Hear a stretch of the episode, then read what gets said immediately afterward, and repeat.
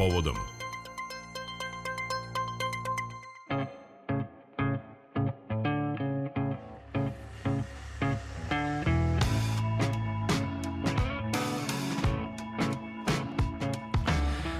Predlog izmena i dopuna zakona kojima se zabranjuje pušenje u svim zatvorenim javnim prostorima je u završnoj fazi, potvrdilo je Ministarstvo zdravlja. Ministarka zdravlja Danica Grujičić ističe da to neće biti dovoljno ukoliko kazne ne budu drakonske. Poslušajte šta je ona još rekla u vezi sa tim. Što se tiče pušenja, mi ne smemo više da se brukamo. Mi smo jedina zemlja koja to u okruženju, a i boga mi vidim i po kontinentima drugim nije uradila i zaista se više ne možemo brukati. E, pre svega, vi znate da je COVID bio zapravo jedan veliki screening za karcinom pluća i mi smo sa 5000 novo otkrivenih e, karcinoma pluća svake godine porasli na 7000. E, prema tome, jasno je dokazano i nema nikakve dileme da nikotin utiče ne samo loše na pojavu maligniteta, nego i na pojavu na promenama na krvnim sudovima, kardiovaskularne bolesti su još uvek u vrhu. Prema tome, sedeti u zatvornom prostoru u kome jedan jedan puši i zagadi vam sve ostalo, mislim da moramo da stanemo na put tome. Na koji način? E, naravno da moraju biti drakonske kazne, jer ako vlasnik, ne govorimo samo o kafanama, govorimo o svim zatvorenim prostorima Ako se plati kazna koja je 5, 6, 10 hiljada dinara, to je ništa. Znači mora biti, da kažem uslovno drakonska, mora biti milion dinara najmanje, jer ne sme se isplatiti tome koji ima taj zatvoreni prostor da dozvoli jednostavno pušenje. S druge strane, ja sam često govorila da su pušači najnevaspitaniji ljudi na svetu, jer njega ne interesuje da li on smeta meni ili mi ne smeta, on zapali svoju cigaretu i uživa u tome. Izvolite, nema problema, uživajte ali napolju. S druge strane, mi moramo povećavati svest našeg naroda koliko je pušenje loše. Kao što treba da povećamo svest koliko je droga loša, da deca ne treba ni jedan joint da uzmu. Znači, jednostavno moramo delovati na preventivi. Ko će to najbolje da radi? Pa opet dolazimo na, s jedne strane, e, lekare opšte prakse, čiji je to osnovni zadatak, ali isto tako i na učitelje i na nastavnike, čiji, e, čija uloga u razvoju naše mladeži mora da bude daleko veća nego što je sada. I Evropa i region su se odavno odvikli od pušenja u zatvorenom prostoru. Sadašnje zakonsko rešenje u našoj zemlji nudi mogućnost pušenja u posebnoj prostoriji, međutim nakon najavljenih izmena zakona u kombinaciji sa drakonskim kaznama to više neće biti moguće. Predsednik udruženja ugostitelja Novog Sada Milenko Mić kaže za povodom da će zahvaljujući dolasku lepog vremena ugostitelji ipak imati prelazni period za prilagođavanje. E, gospodine Mijiću, dobar dan. Hvala vam što govorite za povodom Radio Novog Sada. Dobar dan vama, dobar dan vaši slušači. Recite nam e, kako vi u udruženju gostitelja Novog Sada gledate na ovu najavu novog zakonskog rešenja kojim bi se potpuno ukinulo pušenje u javnom prostoru? Pa svakako će biti taj neki početni period ovaj probni da kažem i jedan deo prilagođavanja gdje će ugostitelji morati malo da se naviknu kako ugostitelji tako i gosti. Mada mislim da smo mi ovaj da kažem onako zemlja koja dosta voli ugostiteljske objekte, kafane, restorane i kafiće i da se nećemo baš tako lako odreći ugostiteljskih objekata zarad zabrani pušenja u, u zatvorenim prostorima. Tako da mislim da će i ugostitelji, a i, a i gosti da se snađe na neki način, da će ugostitelji pripremiti ovaj, ovaj, neke vrste, da kažemo, ajte u zimskom periodu. Nama sad dolaze bašta, ajte da kažemo, pa će biti dosta olakšano u baštama, će moći da se puši. Mi smo, ajte da kažemo, u Vojvodini i u Novom Sadu, dobrim delom ljudi provode bašte, 8 meseci u baštama provode, jel? Mm -hmm. od, od, da kažem, od marta, aprila, pa sve tamo do oktobra, novembra ljudi provode vreme u baštama. Tako da to, mislim da u tom periodu će biti i period prelagođavanja i da neće biti toliko teško u tom periodu. Ali opet kad dođe zima i hladno, onda ovaj, ono će svakako biti ovaj teže, pa će ugostitelji morati da se snalaze, verovatno će ispred lokala u baštama da stavljaju možda pečurke, da stavljaju ona ćebadi, tako da onaj, ilaze, da ilaze u susret ovaj, ovaj gostima koji će izaći napred i ispuše cigarete. Da, e, da podsjetimo samo kako je to do sad izgledalo. Vi ste imali neki e, dve prostorije ili kako je to bilo organizovano pa, do sada? Pa obično su bili pode, pe, podeljeni lokali na jedan deo koji je morao zakonski da bude određen, da bude pušački, jedan deo ne pušački. Pepeljare i gosti nisu smeli da puše u tom delu ovaj, ovaj koji gde je zabranjeno pušenje, imali smo istaknute, mm -hmm. ovaj, da kažem, ovaj, nalepnice na stolovima ili, ili zidovima tamo gde ne sme da se puši, znači nije dozvoljeno, gde se sme, tamo je dozvoljeno i to je tako. A kako je, da li ste imali nekakvu komunikaciju sa e, ministarstvom, nekakvu najavu, da li vam se čini da je to sad završena stvar ili ima još prilike da se, bilo je dosta recimo, da kažete. Pa osim, osim tih nekih najava, da kažem, iz medija i, i priča sad ministarke, ali vidite, to se, ta tema se provlači ne 10 godina. A nije od juče. Da, nije to nova tema, znači to već duži period se provlači tema, ali čini mi se da je sad ovaj, da kažem, do, došao taj period da ćemo morati, to je da kažem u skladu sa nekim evropskim propisima, u Evropi svedoći smo gde god odemo u Evropi da je tamo ljudi ovaj, van prostorija puše. A i sada vidimo da u, u firmama i u, na mestima jeli, gde, ne sme da, gde nije dozvoljeno da se puši, vidimo ogroman broj pušača koji su ispred ovaj, pa zapale cigaretu. Tako da verujem da već određen broj ljudi je i navikao i na, na, na taj deo. I samo još da mi kažete, da li očekujete da biste možda imali nekakve manjkove, probleme u poslovanju ili bilo šta slično u narednom periodu kada se potpuno pređe na, na taj režim? Pa mi se nadamo da neće. Vidite, nije to nešto što su gostitelji nametnuli pa da sad ovaj, da se ljuti neko od gostiju na nas. To je jednostavno zakon koji koji je, da kažem, državni zakon, ljudi će morati da idu u gotovski objekte, pa će, mislim, morati. Želeće, pa će želeti. Mi smo nacija koja zaista voli. Mi sve poslove, sva druženja, sve završavamo u gotovskim objektima, tako da mislim da sad to neće sprečiti ljude da se druže i da, i da, i da se lepo provedu u gotovskim objektima. Gospodine Mijiću, hvala vam što ste govorili za Radio Novi Sad. Hvala i vama.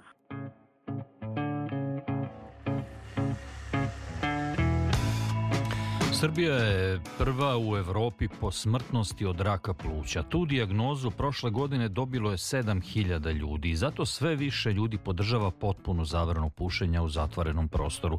Poslušajte i razgovor sa doktorkom Snežanom Ukropinom sa Instituta za javno zdravlje Vojvodine i članicom e, radne grupe za zakonske izmene. Šta ona kaže o najavljenim izmenama zakona? Doktorka Ukropina, hvala vam što govorite za radio Novi Sad. Na početku recite mi kakav je vaš stav u vezi sa najavom ministarke Grujičić da se potpuno zabrani pušenje u javnom prostoru? Kao član radne grupe koja je bila i u ime ministarstva radila na ovoj predlogu, ja naravno smatram već duže od 10 godina da je ova mera nešto što naše stanovništvo je zaslužilo i po čemu ne bi trebali da budemo poslednja zemlja u okruženju, jer spada u jednu od osam najvažnijih mera o kontroli duvana koje je Svetska zdravstvena organizacija stavila u taj rang još 2008. godine, dve godine nakon što je objavljena okvirna konvencija o kontroli duvana Svetske zdravstvene organizacije, što je inače najveći međunarodni uh, ugovor u oblasti javnog zdravlja i kada sastavljena i do današnjeg dana, čiji je potpisnik preko 190 zemalja sveta, a naša zemlja ratifikovala još 2006. godine. E, ministarka Grujičić je pomenula da je potrebna podrška javnosti, da moramo da delujemo edukativno, preventivno. Pa u tom kontekstu, e, šta je važno da kažemo pušačima koji tvrde da im se time ugrožavaju prava? E, ono što je najvažnije, treba da se zna da je ovo mere koja štiti stanovništvo od izloženosti duvanskom dimu i mi trenutno gledamo na ugostiteljski sektor kao na jedini sektor u oblasti, da tako kažemo, rada i uh, ekonomije koji, u koji nije zaštitio svoje zaposlene od izloženosti duvanskom dimu na radnom mestu. Jer da podsjetimo, zakon o zaštiti stanovništva postoji, od izloženosti duvanskom dimu postoji 2009. godine i e, tada je napravljen ovaj izuzetak u proceduri koja je na kraju završno u Skupštini pretrpela određene korekcije u odnosu na neki predlog koji je radna grupa u tom momentu dala, koji je i tada bio da se u potpunosti e, i u ugostiteljskom sektoru zaštiti stanovništvo. E, ono što bi bušači trebali da shvate jeste da Ovo nije nikakva mera koja treba da ugrozi njihova prava, niko ljudima ne zabranjuje da oni konzumiraju duvan, iako je naravno svaka odgovornost profesionalaca da objasni i da nudi u svakom momentu, uh,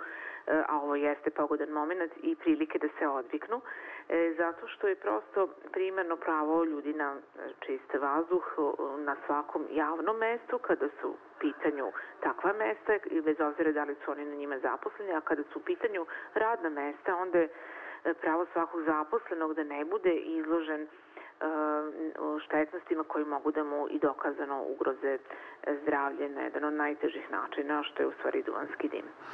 Tako da je ovo, e, takođe mi smo poslednja zemlja e, sa kojima se graničimo, a i u Evropi, koja uvodi ovu meru na ovakav način. E, danas su možda standardi nešto što ja smatram recimo i mi koji se bavimo kontrolom duvana i u javnom zdravlju da predstavljaju prave standarde zaštite stanovništva, to je da se zaštite i deca na igralištima i na nekim otvorenim terenima kao što su plaže, sportski tereni ili tribine na kojima se u otvorenom prostoru ipak u određenom momentu na više sati nađu zbijeni ljudi i mogu da na neki način drugi izlažu duvanskom dimu i ono što je možda naj e, e, pravilnije razmišljanje, tamo gde je naravno kulturološki i kroz neke druge norme to prihvatljivo da se zaštiti i deca, tako što će se zabraniti pušenje i u individualnim, odnosno privatnim automobilima dok, dok prevoze decu.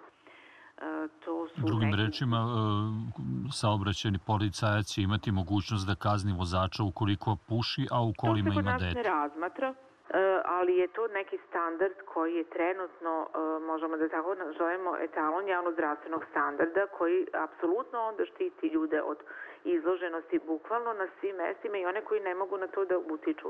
Znači, na različite načine je to rešeno u različitim zemljama, uglavnom je to rešeno tako što, kao što ste rekli, ali ovaj, to je za sada se kod nas ne razmatra, a to je svakako neki standard koji trenutno se razvija u svetu. Imate bar dve zemlje u Evropskoj uniji, su Danska, a prva je Finska objavila da recimo do 2030. godine da će imati, oni su to nazvali nula prevalencija, znači da će u svakom momentu biti 5% pušača do 2030. godine, to su najčešće oni koji započinju i vrlo ubrzo prestaju. Znači oni, do, oni već sebe vide kao zemlju koja uopšte ne koristi duvan, duvanske proizvode, naravno duvanska industrija u tom smislu priprema se i tako je na mlade sa novim proizvodima, sa novim e, e, kvazi duvanskim proizvodima, ako se zna da su da je kapital takvih multinacionalnih kompanija u njihovom razvoju vrlo učestvovao. Doktorka, da li će se ovaj novi zakon odnositi i na ove, ve, tak uslovno rečeno, te elektronske cigarete i te da, na, i na druge? zagrevane duvanske proizvode, e, e, Takođe, to su sve duvan, sve ono što je po zakonu o duvanu registrovao kao duvanski proizvod, na, njega, na to će se odnositi ovaj zakon, a kod nas su to i zagrevani duvanski proizvodi i neki drugi. Naravno, postoji određeni koji još nisu dobro ustrojeni kada je u pitanju registracije, pa bar nekada je u pitanju, e, kada su u pitanju neke e, trenutne preporuke i modeli koji su pozitivni, a što je na nama u budućnosti da ukažemo kako i to može da se na neki način reguliše, jer prosto treba da znamo da, e, da je to industrija koja jednostavno se na svaki način ne prilagođava svim mogućim promenama i sve dok je to legalno proizvod, oni će tražiti modalitete kojima će e, privlačiti nove korisnike. Mladi su tu uvek najozbiljnija ciljna grupa iz jednostavnog biološkog razloga, što njima još uvek nije razvojen razvijen neokorteks, to je prednji deo sive mase čeonog režnja, velikog mozga koja u stvari odlikuje ljudsku vrstu i koja u stvari se razvija i svoju punu zrelost dostiže tek u trećoj deceniji.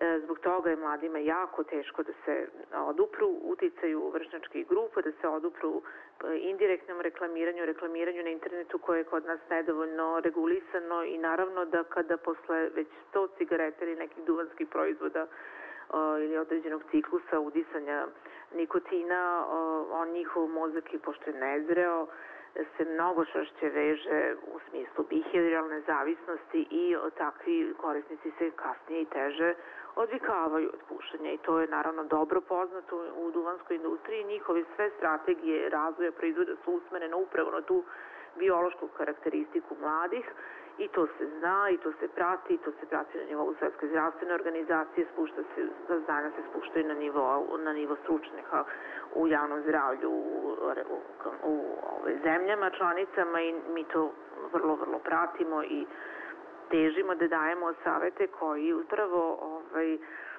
su usmereni na prevaskodno to da mladi su na naj, najugroženiji. Srbija ne stoji sjajno kada je reč o karcinomu pluća, siguran sam da vi raspolažete i nekim podacima, ali ne stoji sjajno ni sa nekim drugim bolestima koje su povezane sa pušenjem. Tako je. E, e, pušenje je vodeći faktor, bihevrini faktor rizika za muškarce, e, drugi po redu označaju posle nepravilne ishrane nedovoljne fizičke aktivnosti kod žena i utice, u, njegov uticaj na četiri vodeće hronične nezarazne bolesti je takav da je on jedini biherni faktor rizika koji utiče na sve te četiri bolesti, dok recimo alkohol, nedova fizička aktivnost, nepravilna ishrana ili gojaznost utiču na tri od pomenute četiri, koje su to četiri grupe vodeće, to su pre svega kardiovaskularne bolesti, zatim maligne bolesti, hronično obstruktivne bolesti pluća i diabetes. Kada se kada se rade određene studije koje su izuzetno kompleksne i rade se na, vrlo redko, jedna od poslednjih urađena 2019. je studija opterećenju bolestima kojima učestvovali naša zemlja i druge zemlje u Evropi. Utvrđeno je da e, ne samo 16.000 kako je prethodna studija slične karaktera utvrdila 16.000 smrti se može pripisati pušenju godišnje u Srbiji, nego se sad taj broj penji na 2000 više ide i oko 18.000 smrtnih slučajeva godišnje se može pripisati na prevremenu smrt usled bolesti koji se mogu pripisati pušenju. I konačno, za sam kraj, vi ste veći deo svoje karijere baš posvetili uh, ovoj temi. Da li vam se čini da je atmosfera u društvu sazrela da ovaj zakon u ovoj formi uh, bude uh, i usvojen, ali i prihvaćen od širih masa i šta biste smatrali konačnom pobedom u toj vašoj nekoj životnoj misiji, ako uopšte smem tako da kažem? Smatramo da je na osnovu istraživanja, pre svega javnog mnjenja, da više od dve trećine stanovništva, a negde i tri četvrtine kako u kojim sredinama e, prihvata ove mere. A pobeda bi u stvari bila kada bi e, sve mere kontrole duvana, znači i javno-zdravstvene kampanje sa nacionalnom, e, nacionalnim frekvencijama, pravilna kontrola prodaje, odnosno zabane prodaje maloletnicima i mlad, duvanskih proizvoda, zatim potpune na neki način ograničenje zabrane reklamiranja, indirektnog reklamiranja, promocije i sponzorstava strane duvanske industrije, pre svega u filmskoj i u industriji zabave takođe mogli da vidimo i kulturi. E, e, pobjeda bi bilo kada bi se sve mere, znači svih tih osam mera kontrole duvana najvažnije i kada bi se slikovna upozorenja našla na dve trećine pakovanja svih duvanskih proizvoda, znači kada bi se sve one primenile do najviših standarda. I kada bi e, to društvo prihvatilo kao e, jedno, e, jedno, kao mere koje nisu usmerene na polarizaciju, kao što ni jedna javna zdravstvena mera nije usmerena da polarizuje grupe koje će u tom momentu možda pretrpiti određeni, određeni uh, da tako kažemo, stres, nego je ona usmerena na dugoročno na spašavanje života. E, mi smo svedoci kako su mnoge javnozdravstvene mere e, ili problemi, da tako kažemo, sa predlogom mera da se reše doživljene ponekad kao pritisak, kao e, kao sredstvo da se polarizuju različite grupe u stanovništvu, ali one to nisu E, e, u stvari je cilj da se spasu životi, ali je problem i jako je teško objasniti na koji način određene mere koje nisu u užem smislu samo ingerencije zdravstvenog sektora, nego mnogih drugih sektora u stvari utiču na zdravlje. Svedoci smo i kako je to bilo u ovoj pandemiji, da su mnoge druge mere bile potrebne da bi se neke stvari ograničile, da bi se, e, da se ne bi desilo da imamo veliki broj zaraženih smrtnih slučaja i tome slično. Naravno, u, ovaj, mnogi su još problemi pred nama da se rešavaju u ovom celom polju, e, ali e, volila bih da, e, da, da ljudi razumeju da je da zaista samo zajedno više sektora ne više, nego skoro svi sektori u društvu kada urade pomalo, tada će i zdravstveno stanje stanovništva biti bolje. Nemoguće je da samo ulažemo sredstva u lečenje, u otkrivanje bolesti i potom lečenje, jer ćemo time u stvari primenjivati jednu najgoru, a mogu da kažem i najskuplju strategiju. Tu ne mislim samo na sredstva fizička, znači materijalna, na vreme uloženo i trud uložen lekara, nego pre svega na živote. Jer nemoguće je samo uh, akcentom na kurativne mere, na obezbeđenje lekova, diagnostike, lečenja. Mi mnogo više moramo da radimo na ovim javnozdravstvenim merama, na pravoj primarnoj prevenciji, na unapređenju i obavezne i preporučene imunizacije, nego što to radimo danas. Doktorka Snežana Ukrupina, Institut za javno zdravlje. Hvala vam najlepše što ste govorili za Radio Novi Sad. Hvala puno Radio Novom Sadu.